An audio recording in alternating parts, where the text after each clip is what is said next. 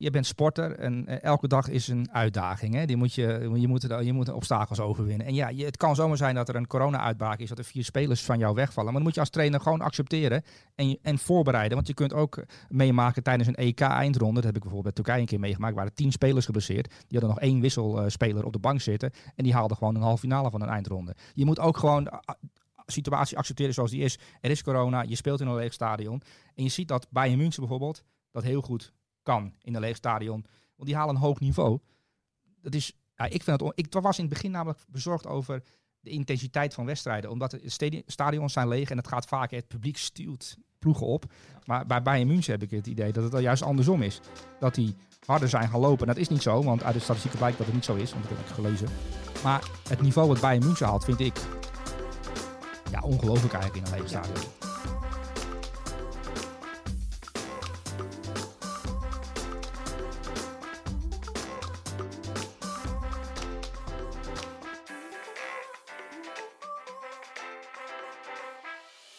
Ja, welkom. Scorebordjournalistiek. Ook in deze hitte, in deze tropische temperaturen. Tegenover mij Suleiman Usturk, debutant. En naast mij Pieter Zwart, hoofdredacteur Voetbal International.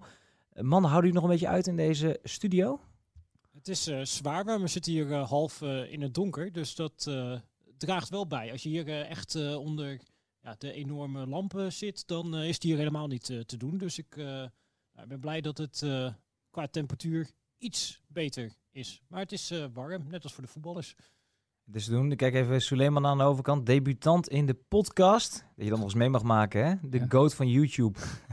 ja, eindelijk zit er iemand met eh, inhoud aan tafel, hè, zou ik zeggen bijna.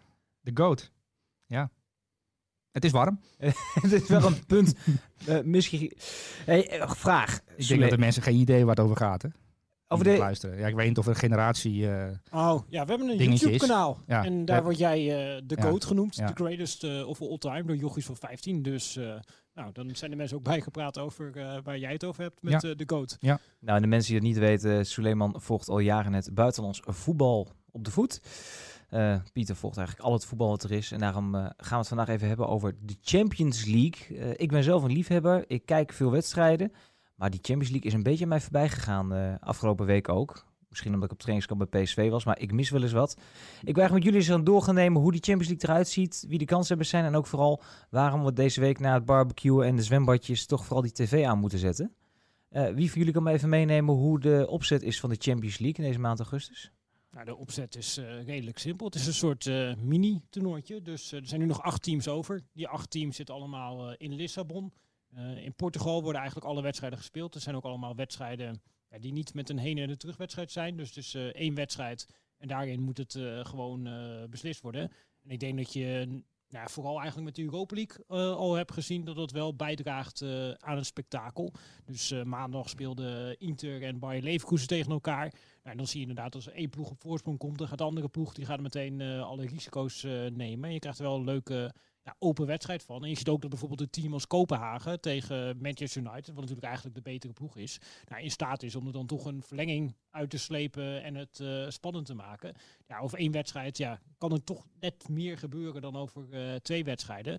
Dus ik denk dat dat voor het kijkplezier dat dat wel eh, ja, erg voordelig eh, gaat zijn dat dit de opzet is. Ik moet wel zeggen, nu we het er toch zo over hebben, ehm, de waarde van zo'n Champions League titel, of die anders is dan in, in andere jaren. Want ook de Duitse titel, de Engelse titel, Liverpool is voor het eerst in zoveel jaar kampioen geworden. Dat is toch een, best een, een, evenement. Dat is niet gevierd. En eigenlijk, als ik persoonlijk spreek, ben ik het alweer vergeten, want we gaan verder en er zijn andere zorgen, het virus. Het is toch wel vreemd dat je dan in Lissabon zo'n toernooi speelt zonder publiek. Ehm, en dan ga je ook vieren zonder publiek. En stel je voor dat City wint de Champions League. Ja, hoe kijk je daar dan op terug later? Ja. Heb je, ben je, voel je dan echt een winnaar van de Champions League? Of eh, ja, dat, Het zou ergens ook wel passen, toch? Dat, dat, dat er soms soort winnaar komt. Dus zeg maar het eh, toernooi zonder ziel en dan met de club zonder ziel. Eh Ja, een ik- beetje gechargeerd gesteld. Dat dan een Dat is City een of een PSG dit wint. ja, dat kan. Ja, moet ik zeggen dat ik daar op een andere manier naar kijk. Kijk, ik bedoel, het, ge- het grote geld. Zelfs Wolverhampton Wanderers is een club van het grote geld. En dat noemen we dan een sprookje. Weet je, het is wel het is moeilijk om dat op een andere manier naar te kijken. En vanuit Nederland, eh, ja, er is natuurlijk, en vanuit alle, alle kleine landen, veel kritiek op de opzet van de Champions League. En het, ja, al het geld dat naar die clubs eh, vloeit. Eh, ja, de verschillen zijn zo ongelooflijk groot. ehm, dat Atalanta nu de club is waar veel mensen eh, achter gaan staan. Maar zelfs die hebben een budget van boven de 100 miljoen euro. Dus ja, in hoeverre kun je spreken van een klein duimpje? Weet je wel, zulke zaken. Ja, het is in perspectief plaats natuurlijk. Het is natuurlijk wel als je een keer een kans krijgt als kleine club om een Champions League te winnen, dan kan het ook juist dit toernooi dus zijn. Ja, maar als je naar Atalanta kijkt, het is niet zo dat zij eh, per ongeluk in de kwartfinale zijn beland. Dat is jarenlang op een bepaalde manier werken, eh, op een extreme manier werken. Ehm, en dat leidt uiteindelijk tot twee keer een top 4 klassering in de Serie A en een kwartfinale plek in de Champions League. Dat is ook gewoon beleid. Net zoals AZ beleid voert, om, maar- om maar een voorbeeld te noemen. Ja, laten we dan meteen beginnen. We doen Atalanta is genoemd. Eh, ze trappen af. Volgens mij op woensdagavond, ligt eraan wanneer je de podcast luistert. Maar dat is eh, vanavond, want op woensdag wordt eh, deze podcast al uitgezonden. Tegen PSG. Eh, ja, dan zeg ik op papier oneerlijke strijd. Maar dat kan wel eens anders uitpakken, hè? Nou ja, het gaat sowieso spannend worden. En ik denk dat eh, ja, het is voor PSG een hele lastige wedstrijd. Eh PSG die hebben natuurlijk als eigenlijk enige topcompetitie, die in Frankrijk, hebben ze niet afgemaakt eh, het seizoen. Ze hebben de titel gekregen. Nou, klaar. Nou, die hebben ze eigenlijk natuurlijk ook al bij het begin van de competitie vaak eh, binnen. Eh, en nu is het ook gewoon op papier afgemaakt. Daarna nog twee bekerfinales gespeeld. En nu moeten ze deze wedstrijd tegen Atalanta gaan spelen. Alleen het probleem voor Thomas Tuchel, de trainer van eh, PSG, is dat hij heeft eigenlijk anderhalf jaar heeft hij gepuzzeld aan zijn ideale elftal. En dat heeft hij uiteindelijk gevonden. Hij had een manier gevonden om ja, de grote vier, het is eigenlijk bijna, weet je wel, wat we ook bij eh, Oranje gehad hebben. Ja, hoe laat je die samen functioneren? Nou, dat had hij voor elkaar gekregen door met vier verdedigers, twee controlerende middenvelders. En dan speelde hij voorin van rechts met Di Maria in een vrije rol. Vanaf links Neymar in een vrije rol. En dan eh, uiteindelijk Icardi. Cavani die werd eh nou, eruit gebonjourd. En eh, Mbappé als twee centrumspitsen. En dat, dat werkte en dat functioneerde ontzettend goed. In de wedstrijden waarin ze, in ze in die samenstelling hebben gespeeld dit seizoen, hebben ze geen enkele keer verloren. Alleen ja, het geval nu tegen Atalanta is dat Mbappé is geblesseerd. gaat waarschijnlijk niet starten. En Di Maria is geschorst. Dus ja, je hebt anderhalf jaar ja, gewerkt aan het vinden van je ideale ploeg. Vervolgens komt corona er tussendoor. Kun je een paar maanden eh, niet spelen. En dan speel je de belangrijkste wedstrijd, eh, waaraan ook ja, het bestuur van PSG ontzettend veel waarde hecht.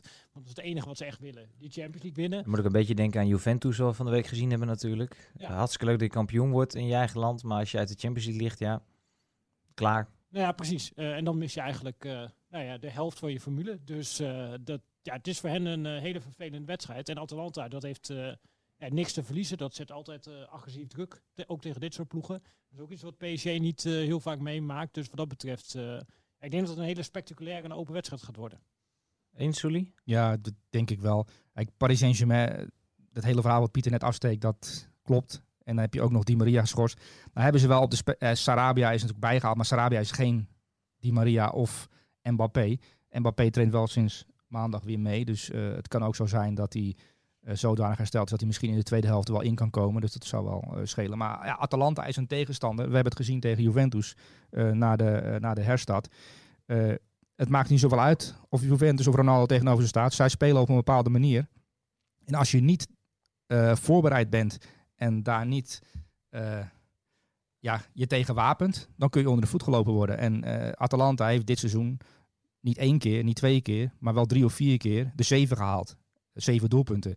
Eh, ja, dus als, als Paris Saint-Germain dat te makkelijk opvalt, maar dat, dat geloof ik niet, want Thomas Tuchel is namelijk iemand die die al zeven dagen zichzelf heeft opgesloten in een bunker om beelden te kijken van Atalanta. Om, om te zien en de spelers voor, voor te bereiden op wat er gaat komen. Dus, dus Paris Saint-Germain is voorbereid. En eh, Pieter en ik hebben het ook al vaak over gehad. Maar zelfs Neymar verdedigt mee bij Paris Saint-Germain. Eh, dan heb je als trainer wel eh, overwicht op een spelersgroep, denk ik. Dus die zal die spelers voorbereid hebben. En ja, normaal gesproken, zelfs met die twee spelers die ontbreken, met die Maria en Mbappé, moet Paris Saint-Germain daar kunnen winnen. En eigenlijk als ze deze ronde doorkomen, dan is PSG misschien wel de grote favoriet om de Champions League te winnen. Dit Ja. is eigenlijk misschien wel de lastigste wedstrijd die ze hebben, wat een beetje raar klinkt. Maar misschien is dat wel zo voor eh, PSG op weg naar uiteindelijk die felbegeerde Champions League titel. Ja, dat, dat heeft te maken met het schema natuurlijk. Omdat Bayern en City elkaar in de halve finale gaan uitschakelen. En Barcelona zit ook aan die kant. Dus Paris Saint-Germain moet dan tegen de winnaar van Leipzig en Atletico. Eh dat is ook weer zo'n eh, ja, zo'n wedstrijd die je dan eh, gaat uitleggen. Ja, Atletico gaat achterin hangen en wacht op, uh, op Paris Saint-Germain. Dus dat is ook weer zo'n wedstrijd die lastig is, maar die moet Paris Saint-Germain eigenlijk altijd winnen. Net zoals deze wedstrijd tegen Atalanta. Wat mooi dat je nu al stap verder denkt. Hè? Dus ik weet nu al dat Atletico van Leipzig gaat winnen. Daar ga ik vanuit, ja. Ja, dat vind ik mooi. Dat is even, even de kenner spreekt hier. Ja. ja, wat dat betreft voor Leipzig is het eigenlijk nog lulliger dan uh, voor waar we net over hadden met uh, PSG. Omdat die hebben natuurlijk uh, Timo Werner. Nou, dat is hun grote sterspeler. Die is verkocht aan Chelsea. Nou, die had in theorie dit seizoen nog kunnen afmaken bij Leipzig. Die zei, nou, ik ga meetrainen bij Chelsea. en die zit daar tegenwoordig op de tribune bij Chelsea. Nou, het seizoen van Chelsea is ook klaar naar die uitschakeling tegen Bayern. Ja, dus die bereidt zich voor op komend seizoen. Maar die is niet meer bij, bij uh, ja. Leipzig. Dus ja, je mist uh, je beste speler die eigenlijk naar de kwartfinale geholpen heeft. Ja. Dat is vreemd. Je hebt dus een seizoen dat in tweeën wordt gebroken. We zijn bezig met de voorbereiding op een nieuw seizoen. De, een oud seizoen moet nog afgemaakt worden. En Thomas Meunier, we hebben het over Paris Saint-Germain net gehad. Thomas Meunier was de rechtsback van Thomas Tuchel bij Paris Saint-Germain. Uh, die is naar Dortmund verkast. Maar die had wel graag het seizoen willen afmaken bij Paris Saint-Germain. Uh, dat wilden ze bij Paris Saint-Germain eigenlijk niet. Er is een hele rare situatie ontstaan dat een speler naar Dortmund gaat, maar het seizoen begint eigenlijk pas in september. Hij had graag het seizoen bij Paris Saint-Germain willen afmaken. En dat is, bij meerdere clubs zie je dat, dat spelers daar, dus dat, dat die maand, augustus, die dan overbrugd moet worden, ze hebben geen contract. Uh, en Paris Saint-Germain wilde Thomas Milieu geloof ik gratis laten meedoen hè, in die wedstrijden, ja. Ja, ja dus met Cavani geloof ik ook niet uh, En Cavani is hetzelfde probleem, ja. Ja, maar dit, ja, dat is de, de gekte van de coronacrisis. Alleen daar had natuurlijk gewoon van bovenaf beleid moeten worden gemaakt en Precies. één lijn moeten worden getrokken. Nou ja, bij Atletico, nu we het toch daarover hebben. Ja, die missen weer twee spelers omdat ze besmet zijn met uh, het coronavirus. En die wedstrijd gaat ook gewoon door. Dus wat dat betreft, ja, het, het is, het is een hele rare tijd. Uh, en het is ook een hele rare eindfase van de Champions League op deze manier. Want ja, geen enkel team is eigenlijk op uh, volle oorlogsterkte. Ik vind ook wel, kijk, je kunt erover klagen en dat doet Gerbrands bijvoorbeeld. Die klaagt ja. veel over allerlei zaken. Uh, en terecht. Um, maar je, kunt, je bent sporter en uh, elke dag is een uitdaging. Hè? Die moet je, je, moet er, je moet obstakels overwinnen. En ja, je, het kan zomaar zijn dat er een corona-uitbraak is, dat er vier spelers van jou wegvallen. Maar dan moet je als trainer gewoon accepteren en, en voorbereiden. Want je kunt ook meemaken tijdens een EK-eindronde. Dat heb ik bijvoorbeeld bij Turkije een keer meegemaakt. waren tien spelers geblesseerd. Die hadden nog één wisselspeler op de bank zitten. En die haalden gewoon een halve finale van een eindronde. Je moet ook gewoon situatie accepteren zoals die is. Er is corona, je speelt in een leeg stadion. En je ziet dat Bayern München bijvoorbeeld dat heel goed kan in een leeg stadion. Want die halen een hoog niveau. Dat is, ja, ik, vind het, ik was in het begin namelijk bezorgd over de intensiteit van wedstrijden. Omdat de stadions zijn leeg en het gaat vaak, het publiek stuurt ploegen op. Ja. Maar bij Bayern München heb ik het idee dat het al juist andersom is. Dat die harder zijn gaan lopen. En dat is niet zo, want uit de statistieken blijkt dat het niet zo is. Want dat heb ik gelezen. Mm -hmm. um, maar het niveau wat Bayern München had, vind ik ja, ongelooflijk eigenlijk in een leeg stadion. Ja, ze hebben alles gewonnen sinds we in lege stadions uh, spelen. Ja. ja, dat, is, dat is op zichzelf natuurlijk wel optiebarend.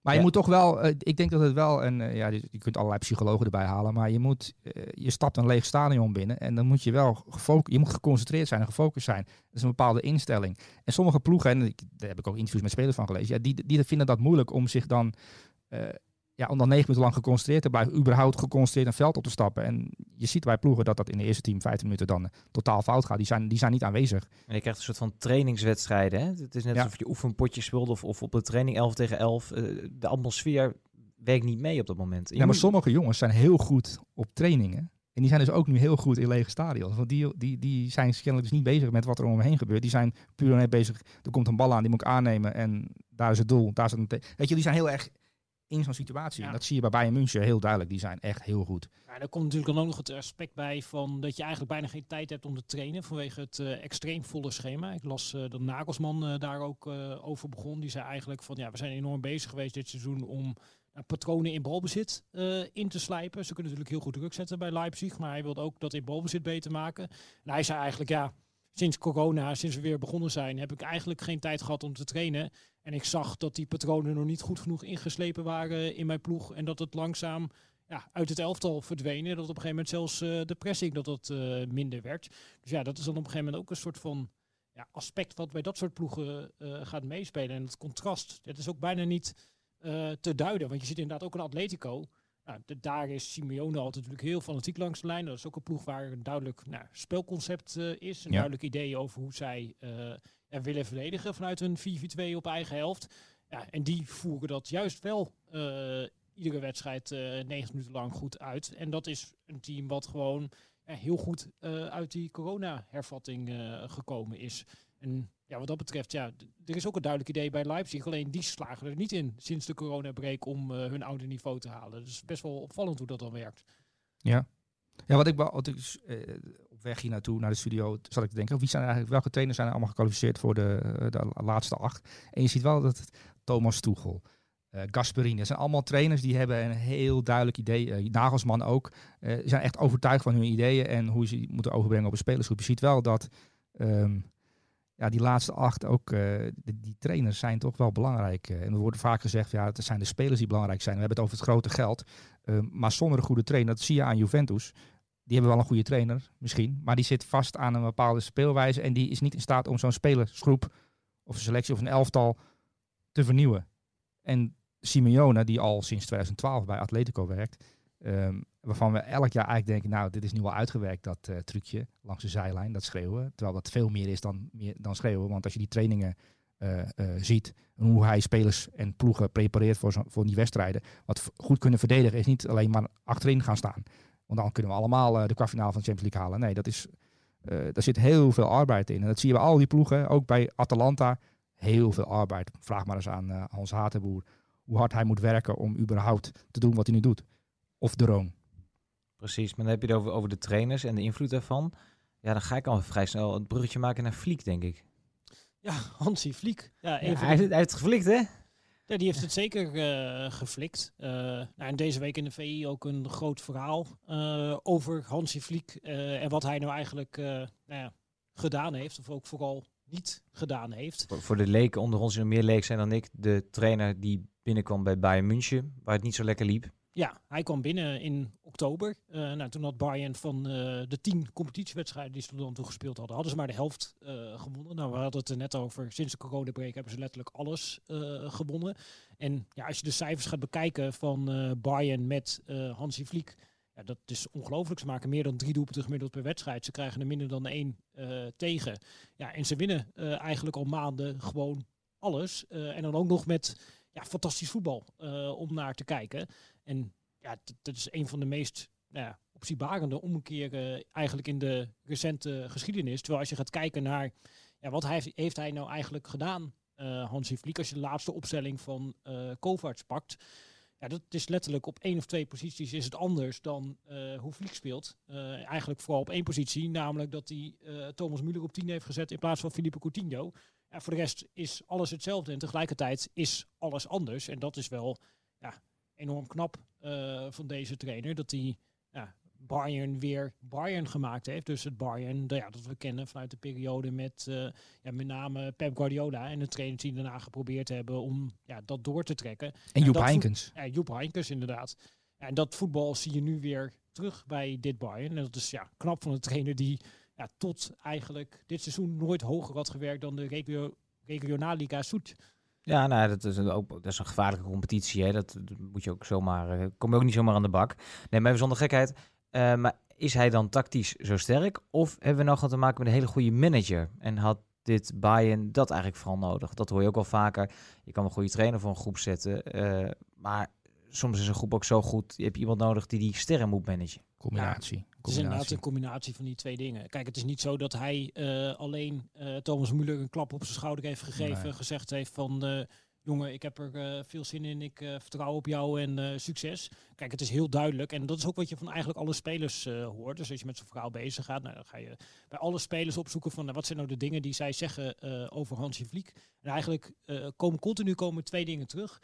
Eén is dat hij heel erg open en heel erg communicatief uh, is. Uh, David Alaba zei zelfs, nou, ik heb er nooit meegemaakt in mijn carrière.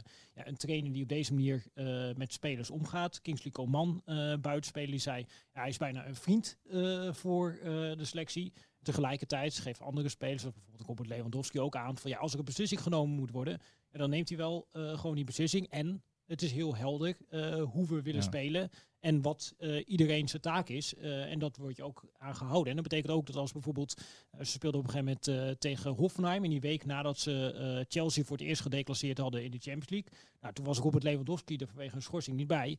Nou, dan waren er enorm veel sterren die eigenlijk op de bank zaten. Zoals bijvoorbeeld een uh, Perisic, eh, Coutinho. Die die op dat moment in het elftal had kunnen zetten. Maar Hansi Vliek zei nee, we gaan automatisme verloren. Ik zet de 18-jarige eh, Joshua Zirkzee in de punt van de aanval. Want dan behoud ik eh, mijn automatisme. Maar dat betekent ook wel dat het de trainer is ja, die eh, autoriteit heeft. En niet iemand die alleen maar bezig is om eh, als een soort van kinderjuf al die spelers tevreden te houden. Maar je ziet ook wel ehm, in de speelwijze. Ik heb tegen Chelsea natuurlijk Kimmich ontbrak op het middenveld. Die was naar de rechtsbackpositie gekomen. Pavard is geblesseerd. Dat was de rechts, vaste rechtsback van Bayern München. Kimmich is nu weer terug op zijn oude plek. Dus ik was benieuwd hoe, hoe gaan ze dat oplossen op het middenveld. Want Kimmich zakte vaak terug tussen de verdedigers bij de opbouw. Die, die stond nu dus rechtsback. En hij speelde nu met Thiago en Goretzka. En toen, tot mijn verbazing zag ik Goretzka dat werk doen tegen Chelsea. De, en zo'n jongen ehm, is toch dan wel goed geïnstrueerd. Dus het is ook zo dat hij die ploeg... Je ziet ook heel veel... eh, bijvoorbeeld Davies is onderweg, de linksback.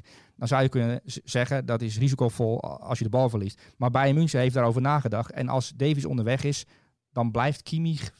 Die gaat naar binnen toe. Dan hebben ze eigenlijk een driemans defensie. Eh, als ze allebei onderweg zijn, want soms staat Bayern München zo hoog op het veld... dat, dat Boateng en eh, Alaba over de middenlijn staan met z'n tweeën.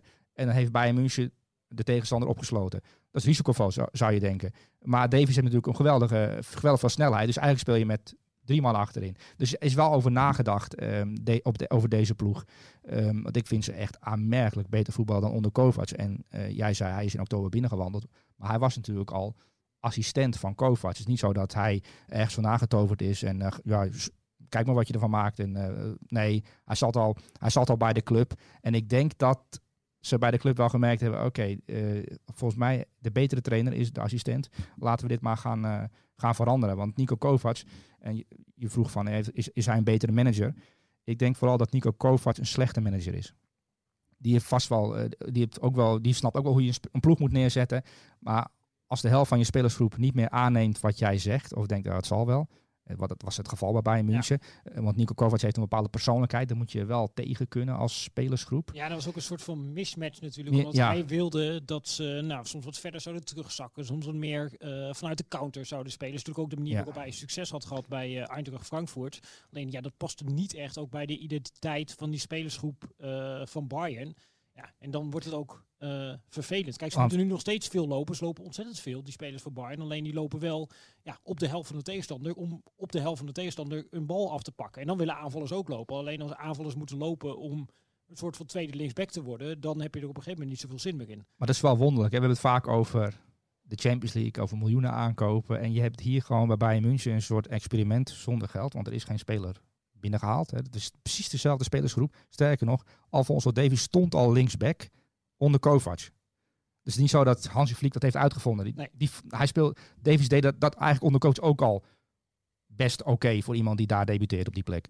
Ehm, maar hij heeft een aantal afspraken eh, eh, veranderd. En hij heeft ook eh, goed afgekeken bij Thomas Tuchel, bij Klopp. Wat daar goed gaat, wat, hoe, hoe, hoe, je, hoe je dat doet. Als je met, heel hoog speelt met twee backs, hoe, welke middenvelder, hoe je, die paaslijnen. Dat, heeft hij allemaal goed bekeken bij, bij Thomas Tuchel, bij Klopp, bij Guardiola.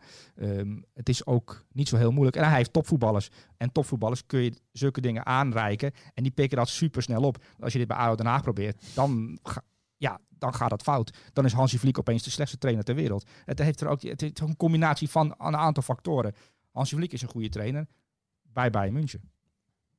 Denk ik. En nu hebben we het hele tijd over Bayern München. En ik hoor iedereen, Bayern München is de te kloppen ploeg, is de favoriet. En Ja. Ze spelen wel gewoon tegen Barcelona. Ze spelen tegen Messi.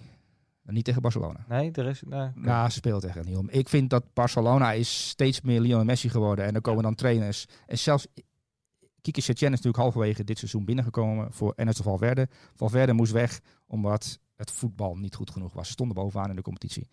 Eh Kike Setien komt binnen. Ehm, ja, en wat is daar eigenlijk veranderd? Ja, die bij Barcelona. Alles, ja, die heeft van alles nog wat inderdaad ook wel geprobeerd. Eigenlijk bijna, nou, het is best wel een vergelijkbare situatie misschien met de situatie bij Bayern. Namelijk, er komt de trainer binnen die uiteindelijk heeft gezegd van, we gaan meer op balbezit spelen en we gaan hoger op het veld gaan we verdedigen. Alleen, ja, je zag eigenlijk redelijk snel dat het ja, moeilijk was met deze selectie. Eigenlijk de conclusie die Ernesto Valverde al eerder getrokken had, dat het eh, ingewikkeld was eh, met deze selectie. En daarna is hij op een gegeven moment ja, ja, gaan schuiven en een beetje compromis eh, gaan maken. En ja, dat, dat is hij blijven doen. Eh, en tot op de dag van vandaag weet hij volgens mij niet wat zijn beste elftal is en wat zijn beste manier eh, van spelen is. Ja, het probleem is natuurlijk, de rest wordt ook beter. En eh, het, voetbal is, het voetbal is echt ontwikkeld. De ploegen zijn echt veel beter geworden. Je hebt nu, je hebt nu te maken met Bayern München. Normaal gesproken, vroeger moest je twee spitsen dekken of drie. en daar ging de bal naartoe. Maar nu komt Alfonso Davies negen minuten lang over de linkerflank. En dat is toevallig net de zone waar Messi staat. Ja, Messi achter Alfonso Davies aan, dat is natuurlijk niet de bedoeling van voetbal. Eh, en van Messi zelf, die heeft daar geen zin in. Dus dan moet je als trainer in aanloop naar zo'n wedstrijd al allerlei compromissen gaan bedenken. Dus je bent helemaal niet meer bezig met je eigen elftal. Je bent eigenlijk al bezig met de tegenstander. Dus Barcelona, dat zag je al tegen Napoli, die waren eigenlijk al bezig met hoe gaan we Alfonso Davies afstoppen. Nou, die gaan Sergio Roberto waarschijnlijk opofferen daaraan. Ehm, maar past dat bij Barcelona? Was, als je aan Barcelona denkt, ik denk dat heel veel kijkers die gaan zitten voor zo'n wedstrijd, die denken, nou, we gaan nu even naar Barcelona kijken. Maar die passen zich gewoon aan aan Bayern München. Want ja, je hebt te maken met Kimmich die opkomt, met Alfonso Davies die opkomt, met Alaba die het middenveld indribbelt. Er komt van alle kanten komt het gevaar. Bij zo'n vrij complete ploeg. Bayern München heeft geen Messi, maar wel elf andere spelers.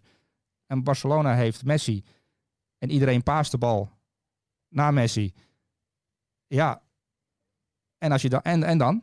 Eh, als je met 2-0 achterkomt, zoals tegen Liverpool eh, gebeurde, ja, dan, dan hoeft de tegenstander eigenlijk alleen nog maar naar Messi te kijken. Want daar gaat de bal toch naartoe. Ja. Min of meer. Ja, en dan gaat de bal iedere keer alleen nog maar sneller naar Messi toe. Dus die wordt eh, steeds sneller gezocht. Eigenlijk ook op momenten dat hij niet gezocht moet worden. En dan wordt het een soort van ja, zelfversterkend eh, geheel. En dat hebben we ja, bij Een aantal keer gezien. Ja, Ja. bij Barca de afgelopen jaren een paar keer gezien inderdaad. Dat het dan, als het in elkaar stort, dan flikkert het ook volledig in elkaar.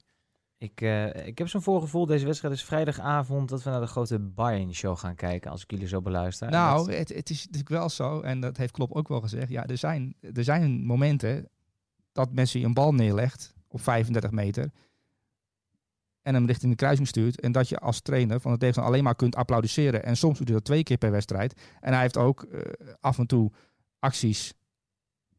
Ja, daar kun je vijf man op zetten, maar dan, dan, dat is lastig te Ja, verdedigen. precies. En we denken ook allemaal nog terug aan die 4-0 eh, van Liverpool. Alleen je kunt ook terugdenken aan die 3-0 voor Barcelona Ja. eh, in eigen stadion.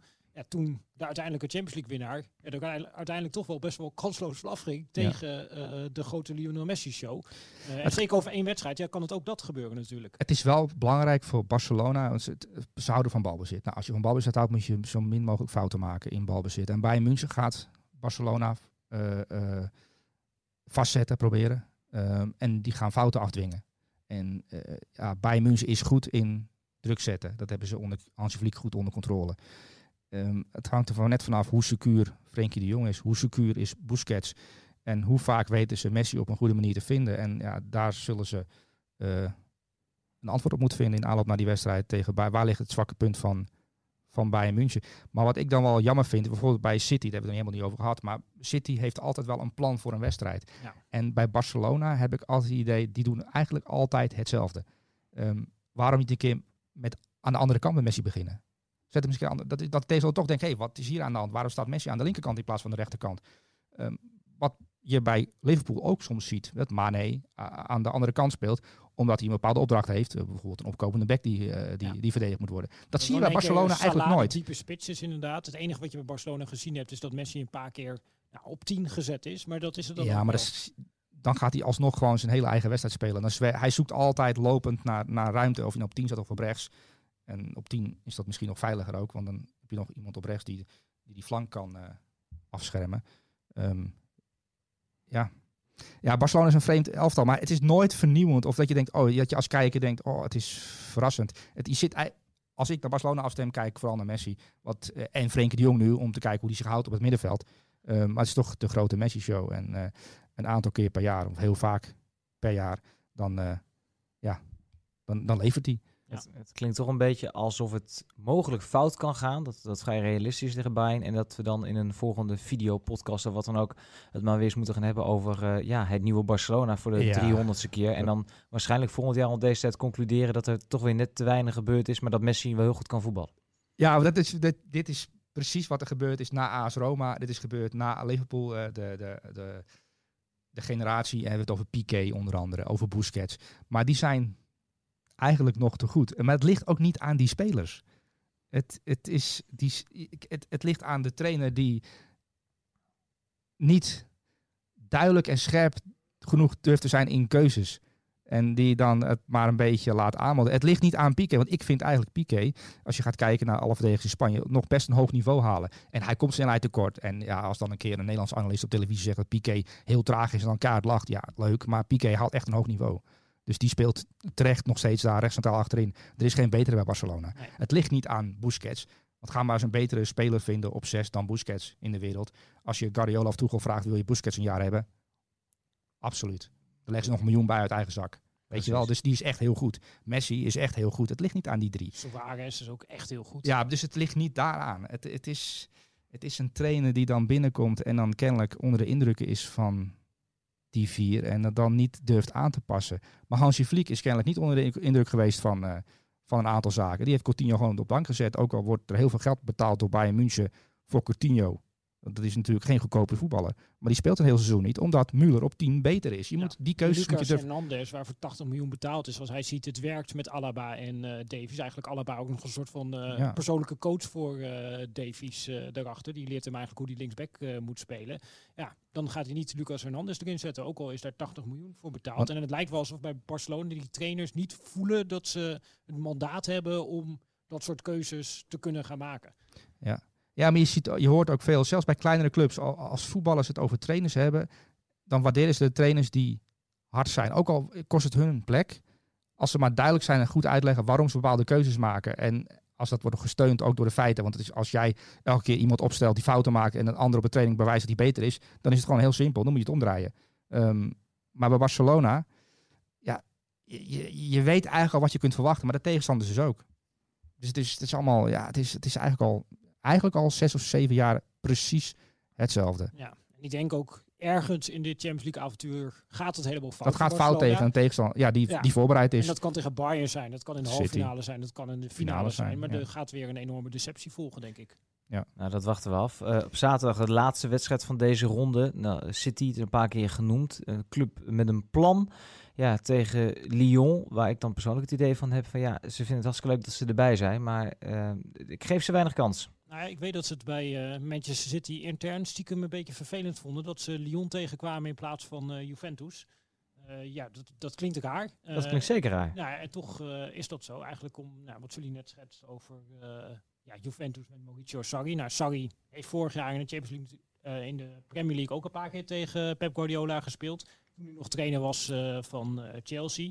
En het was nou, voor Pep Guardiola best wel goed te doen om een manier eh, te vinden om eh, teams van Sarri eh, te bestrijden. Je weet welke patronen ze gaan hebben in de opbouw. Nou, en daar kun je iets tegenover zetten. En als je gaat kijken naar waar heeft Manchester City het moeilijk mee gehad eh, in de afgelopen jaren, dan is dat eigenlijk teams die met drie centrale verdedigers spelen en eigenlijk ja, op die manier proberen het voetbal van City te ontregelen. Dit jaar ging bijvoorbeeld een paar keer fout tegen Wolverhampton Wanderers. Nou, ook in de halve finale van de FA Cup tegen Arsenal speelde ook met drie slash vijf verdedigers. Ja, en hoe speelt Olympique Lyon? Ja. Ook eh, op die manier. Dus voor eh, ja, Pep Guardiola is het gewoon een hele vervelende tegenstander. Eigenlijk City kan alleen maar verliezen in deze wedstrijd. Eh, en hij weet duvels goed dat de manier waarop Lyon uiteindelijk City gaat bestrijden, zoals ook laatst eigenlijk redelijk succesvol in de Franse bekerfinale nog eh Paris Saint-Germain hebben bestreden. Wat een trainer heeft, eh Tuchel, die nou, een beetje op een vergelijkbare manier wil spelen als eh, Guardiola. Dus het is een heel verraderlijk team voor City om tegen te spelen. Ja, en een hele gevaarlijke tegenstander. Dus ja, Guardiola moet weer iets gaan verzinnen. Ja, je gaat zien dat City de bal heeft en probeert door een muur van 5-3-2 of 3-5-2, hoe je het wil noemen.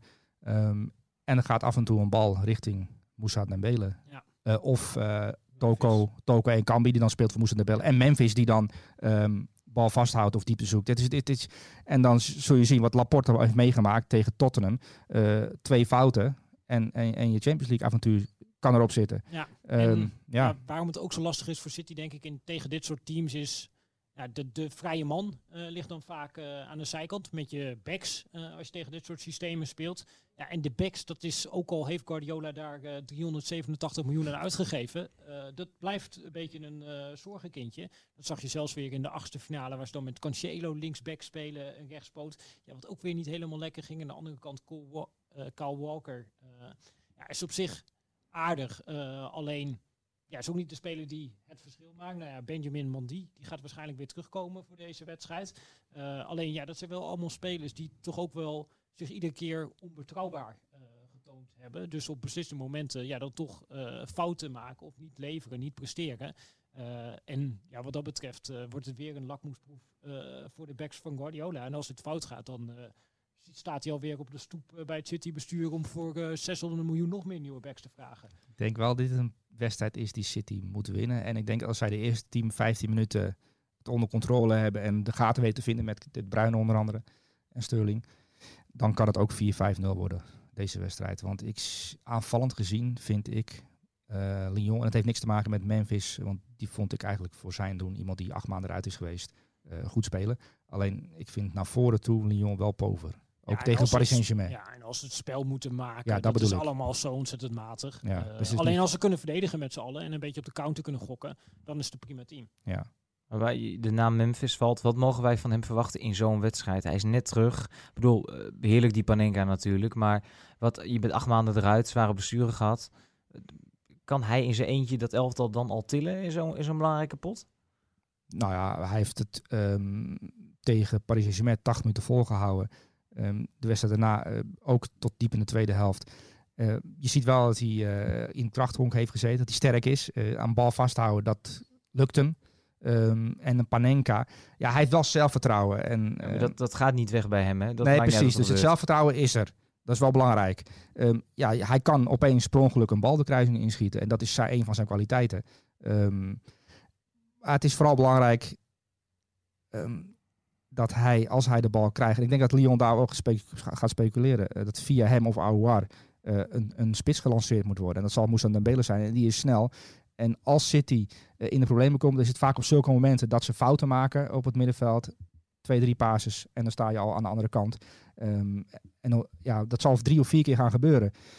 waarschijnlijk. Als City slecht speelt. Ja. En dan En twee keer is Memphis erbij betrokken. En dan die Ja. twee momenten, dat bepaalt Dat- of hij ja. of een geweldige wedstrijd heeft gespeeld. Of dat we zei, zeggen, nou ja, Memphis was een beetje onzichtbaar.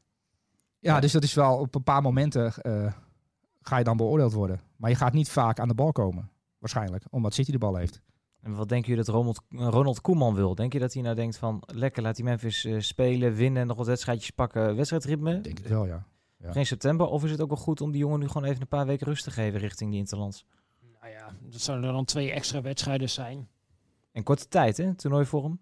Ja, nee, tuurlijk. Alleen, nou ja, ik denk dat, eh, dat het niet heel veel uitmaakt als hij eh, een paar extra wedstrijden nu zou spelen. Hij is natuurlijk ook weer eigenlijk, het is natuurlijk ook een soort van voorbereiding. Ik las dat Nagelsman eh, al zei van, ik zie dit eigenlijk als een voorbereidingstoernooitje, wat op zich ook wel opvallend is over de ja, beslissing van de Champions League. Maar ja, voor veel clubs is dat natuurlijk ook wel zo. Ook voor Lyon, die zijn zich ook eigenlijk aan het voorbereiden op de Franse competitie. En die weten, nou ja, waarschijnlijk gaat er na één of twee wedstrijden voor ons wel klaar zijn. Eh, en daarna gaan we direct door eh, in de voorbereiding op het nieuwe seizoen. Ja, maar wat jij nu zegt, hè, vroeger had je in de zomer had je van die toernooitjes in Spanje en dan kreeg je zo'n hele lelijke beker als je die won, oefentoernooitjes.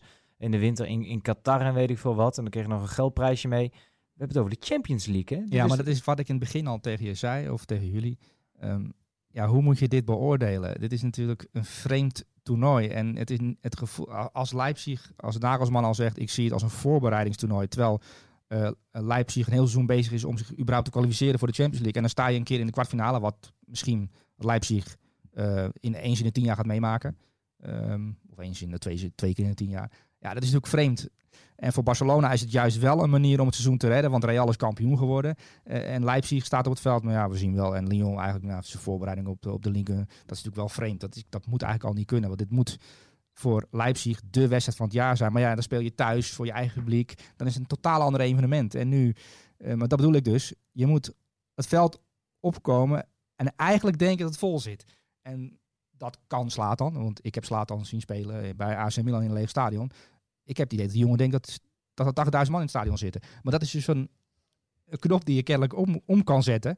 En de echt grote kunnen dat. Hè? Dus uh, die, die doen net alsof zij een vol stadion spelen. Die zijn zo ongelooflijk geconcentreerd. Um, en uh, er zijn andere spelers die, dat, uh, ja, die daar iets meer moeite mee hebben, of trainers. Ja, nou, we zijn heel benieuwd. Ik ben in ieder geval wel enthousiast geworden over de wedstrijden van deze week. Dank jullie wel daarvoor. Ik hoorde een collega in een NOS voetbalpodcast zeggen dat hij 50 euro had ingezet op Atalanta Bergamo. Ja, kan niet vergeten. Dat kan niet vergeten. En dat hij daar dan 600 euro voor terugkreeg. Ik heb wel even gekeken. Ik vond het wel interessant. Er zit een beetje het moment dat die gokmarkt uh, open gaat. In ieder geval Nederland binnenkort. Is gekeken naar uh, ja, wat we uitbetaald krijgen als we nu inzetten op een overwinning van de clubs. Lyon, voor elke euro die je inzet krijg je er 36 terug. Dan uh, Leipzig 18, Atalanta 12, Barcelona en Atletico 9. Paris Saint-Germain 5, 75. Dan Bayern met 4,25. En ja, Manchester City 3,20 euro. Dat zal ook te maken hebben met het schema, vermoed ik een klein beetje. Dat ze aan de goede kant van het schema zitten. Maar City de, niet. Uh, zeg ik dat goed? Nee, die zit niet. Nee, je hebt gelijk. Maar daarna uh, zit die Bayern. winnaar voor de Bayern uh, Barça. Dus, maar is voor jullie dan ook Manchester City de favoriet om de Champions League te winnen? Nou, als je over het hele seizoen kijkt, denk ik niet. Ik denk eigenlijk dat City in voorgaande seizoenen beter was dan dit seizoen. Ze hebben natuurlijk twee jaar gehad waarin ze echt ontzettend veel punten hebben gepakt in de Premier League. Dat ze twee keer zijn uitgeschakeld door een team waarover ja, ze eigenlijk over een heel seizoen beschouwd beter waren dan dat team. Maar het over twee wedstrijden niet konden, City. Ja, en nu staan ze in de kwartfinale tegen Lyon. Nou, die zouden ze in principe moeten pakken. Ja, City Bayern wordt de wedstrijd misschien wel. Dat is eigenlijk een soort finale in een halve finale. Maar dat is eigenlijk altijd wel. Maar City Bayern, ja, ik kan daar geen zinnig woord over zeggen in welke kant op gaan. Het kan eigenlijk allebei de kanten op gaan, City Bayern. Ja. Ik vind City um, na de herstart, na de corona-stop, echt heel goed. Uh, en die hebben ook tegen Burnley bijvoorbeeld zo'n bizar hoog niveau gehaald. Terwijl het helemaal niet hoeft. Ze zijn al tweede. Dat, dat hoeft allemaal niet meer. Um, en je ziet ook dat ze uh, kennelijk de trainingen gebruikt hebben om ook wat tactische dingetjes uit te proberen. Mm -hmm. Je ziet dat ze wel uh, een ontwikkeling doorgemaakt hebben in de tijd dat het voetbal helemaal stil stond. Um, nee, met name achterin. Kijk, je kunt natuurlijk bij Bayern ook zeggen, nou met Boateng, dat is de zwakste schakel. Maar die positie bij City is natuurlijk helemaal een uh, probleem kindje. Ja. Erik Garcia, die deed het daar natuurlijk best wel goed. Nou, die lijkt nu zijn contract niet te willen verlengen. En die zit in één keer ook weer uh, op, de bank. op de bank. Maar het is ook een jongen ja, die het niet moet hebben van zijn fysieke kracht. Dus ook tegen een Lewandowski kan dat best wel uh, ja, ingewikkeld zijn. En dan staat er in één keer weer uh, Fernandinho. Ja. Ja, en of Otamendi uh, slash Stones, die door Guardiola eigenlijk volledig afgeschreven lijken en zonder vertrouwen voetballen. Ja, dat is wel een, een dingetje. Ja, je hebt die linksbackpositie waar Mandi ja, hele hoge pieken afwisselt met uh, hele diepe dalen. Uh, en rechtsback waar die Cancelo eigenlijk niet vertrouwt. Uh, en dat nou ja, alles moet komen voor Walker. Maar Walker die heeft soms ook echt een slechte dag ertussen zitten. Ja, dus dat is achterin wel behoorlijk wankel bij Dan hebben ze wel slecht ingekocht. Want jij, jij noemt net een bedrag, maar volgens mij is het nog meer dan dat jij noemde. Ja. Um, maar als je een half miljard, 500 miljoen euro uitgeeft in vier, vijf jaar alleen, alleen aan verdedigers. Um, en je speelt tegen Bayern München. En het probleem is dat je eigenlijk geen verdedigers hebt, behalve Laporte. En daarom Nathan Ake gehaald heb als backup voor Laporte en eventueel als linksback. Ja, ik vind dat wel uh, vreemd. Dan gaat toch wel ergens iets mis onderweg. Ja, er is zeker het een en ander misgegaan uh, onderweg. Ja, Walker doet het dan aardig. Danilo is totaal mislukt. Cancelo is totaal mislukt. Mandi heeft het ja, af en toe goed gedaan, maar die was bijna altijd uh, geblesseerd. Ja, en Stones, daar had hij enorm veel vertrouwen in, maar dat, dat lijkt ook uh, tanende te zijn. Ja, dan heb je eigenlijk inderdaad alleen uh, met Laporte een succesvolle aankoop uh, gedaan. Ja, het is natuurlijk veel eisend om te spelen in een Pep Guardiola team achterin. Dat zegt hij zelf ook iedere keer. Het is heel vervelend om verdediger te zijn in mijn team, omdat je ja, met 60 meter in je rug speelt. En onder druk altijd ja. uh, een bal moet aannemen in je eigen 16 en dan maar die voorwaartse oplossing moet zien te vinden. We hebben aan het vergaan ook allemaal kunnen zien hoe ingewikkeld uh, dat soms kan zijn op uh, dit niveau. Alleen ja, het is wel een feit dat al die aankopen, ja, dat een heel aantal daarvan ja, het niet waargemaakt hebben. En dat inderdaad ja, we richting de eindfase Champions League gaan. En je nog steeds moet zeggen, ja, dat is best wel een groot probleem voor Manchester City. En het afmaken van kansen, dat is ook wel eerder een probleem geweest. Ja, het is alleen wel hoe je... Want Atalanta, ik denk dat we de luisteraars... En ik denk ook Stef zelf... eh, als ik hem vraag, noem de achterhoede van Atalanta... Dat we de, geen idee. En de luisteraars ook niet. Ja, dus ze zullen vast één of twee kunnen noemen. Ja, Robin Goossens en Robin Goossens. Ja, Hatenboer. Ja, het moet ik zeggen, daar kom ik ook aardig Maar ik heb het over drie centrale verdedigers. En die wil niemand hebben in Europa. Nou, inmiddels m- misschien wel. Ehm, maar het is ook maar net hoe je als trainer het aantal zaken oplost. Je kunt ook het... eh, ja, ik, hij wil Koulibaly hebben al twee seizoenen. Ja, ik kan ook Koulibaly kopen. Dan heb ik ook een goede verdediging. Met Koulibaly. Ja. Of Nathan Ake. Ja, dat is niet zo'n kunst om goede verdedigers te kopen. Eh Virgil van Dijk was in de Premier League de beste verdediger bij Southampton. Ehm, die kun je kopen. En je ziet dat Liverpool beter is ge- geworden. ze, hebben geïnformeerd destijds naar eh, Van Dijk. Eh, alleen het was wel eh, Jurgen Klopp die Ja. aan de keukentafel Van Dijk uitnodigde. En met hem ging zitten, met hem ging praten. En hem een verhaal schetste. En dat is bij City destijds niet gebeurd. Waardoor Ja. Van Dijk eerder geneigd was om voor het verhaal Liverpool te kiezen. En op dat moment was City natuurlijk nog de veel grotere, succesvollere club dan Liverpool. Ja. Dus ja, het is ook net op welk moment durf je door te pakken en heb je een goed verhaal liggen. Ja, en dat is ook wel dat is wat Liverpool heel goed doet. Ehm, City wilde ook Harry Maguire hebben. Ehm hadden ze dan 10 miljoen euro te weinig voor over. Ja. En dat was een geldkwestie. Ze wilden Jorginho hebben, ze wilden Frenkie de Jong hebben. Ja, dus het kopen Matthijs is niet alleen willen hebben. Kopen is ook eh, als club een speler kunnen binnenhalen. En dan moet je dus ook een trainer hebben die uh, overtuigingskracht heeft. En Pep Guardiola belt ook heel veel spelers. Hè, want er zijn heel veel spelers in Europa die ik- ineens Pep Guardiola aan de lijn hebben. Omdat die graag een speler willen hebben. Maar ja, dat is niet alleen Pep Guardiola die een, die een speler binnenhaalt. Je hebt ook te maken met eh zaakwaarnemers, met contracten. Met clubs die eh, geld eisen. Harry Maguire kostte hoeveel miljoen euro. Het alle tijden. Ja, dat, dat had City er niet voor over. Ehm, dus het is niet alleen dat, maar ik vind het wel vreemd dat het bij City, en, eh, en Pieter en ik hebben het er al vaak over gehad, over die verdedigers van City. Maar het gaat eigenlijk bij City, als een keer verlies, altijd over die verdedigers. Ehm, ik word daar wel een klein beetje moe van, eerlijk gezegd. Laat ik het Dus, zo eh, zeggen. Nee, dat, dat, is, dat is vrij treurig als je over Van nadenkt. Zeker de bedragen die jij noemt. Mannen, tot slot, ik wil gewoon even een naam hebben. Wie wint de Champions League? Pieter, Ik eh, ga nog steeds eh, voor Bayern München. Hans dat het het meest complete team is, denk ik. Ik, ga voor, ik heb Paris Saint-Germain al een aantal keer gezegd in allerlei uitzendingen. Paris Saint-Germain, omdat die aan de goede kant van het schema zitten. En omdat Neymar in staat is. En Mbappé komt straks in de halve finale denk ik wel weer terug.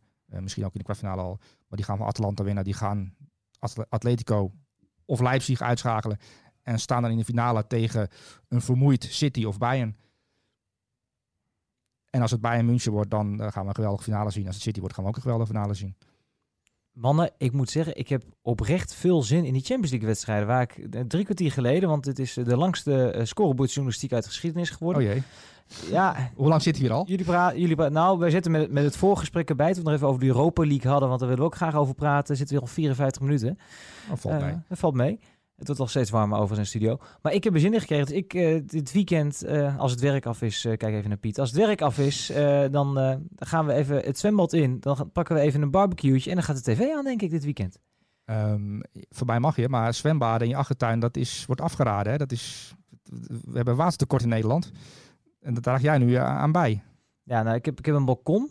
Oké, Dat scheelt jij al. een klein zwembadje. Ik heb een heel klein zwembadje. Dat moet net kunnen, Nou, Sully. dan mag het. Dan mag het, dan kom ik daarmee weg. Nee, Ja. nee heren, heel erg bedankt. Eh, zoals Pieter al eerder zei in de VI van deze week en op VI Pro een eh, ja, uitgebreid verhaal over eh, het Bayern München van Hans Vliek en wat er eigenlijk gebeurd is en waarom ze zo succesvol zijn. Het zou wel- oh, oh, je wilde afronden? Nou, je praat Het verder. zou wel mooi zijn, hè? want normaal gesproken, theoretisch gezien, bij München hoort misschien wel de Champions League winnen, die het meest complete ploeg. Maar ja, je hebt er nog altijd weer dat er in, in zo'n wedstrijd gekke... We gaan het alweer over scheidsrechters hebben. Want we hebben, we hebben het nooit over scheidsrechters. Hè? In voorbeschouwing gaat het nooit over scheidsrechters. Na afloop gaat het alleen maar over scheidsrechters. Dat zal dit keer ook weer zo zijn. Ja. Dus er zal wel iets gebeurd zijn waardoor we het na afloop weer over scheidsrechters gaan hebben. Dat wil ik nog even toevoegen. Waarom weet ik eigenlijk niet. Ik vind het fijn dat deze afkondiging toch een klein beetje eh, ja, opgeleukt is. Dankjewel, Soelie. Maar dat is, toch, Eh, dat is toch waar, of niet? Ja, nee, dat is waar. Ja. We hebben het eigenlijk alleen maar over scheidsrechters na afloop. Het gaat alleen maar over scheidsrechters. En, en, en hoogtepunten van, van doelpunten.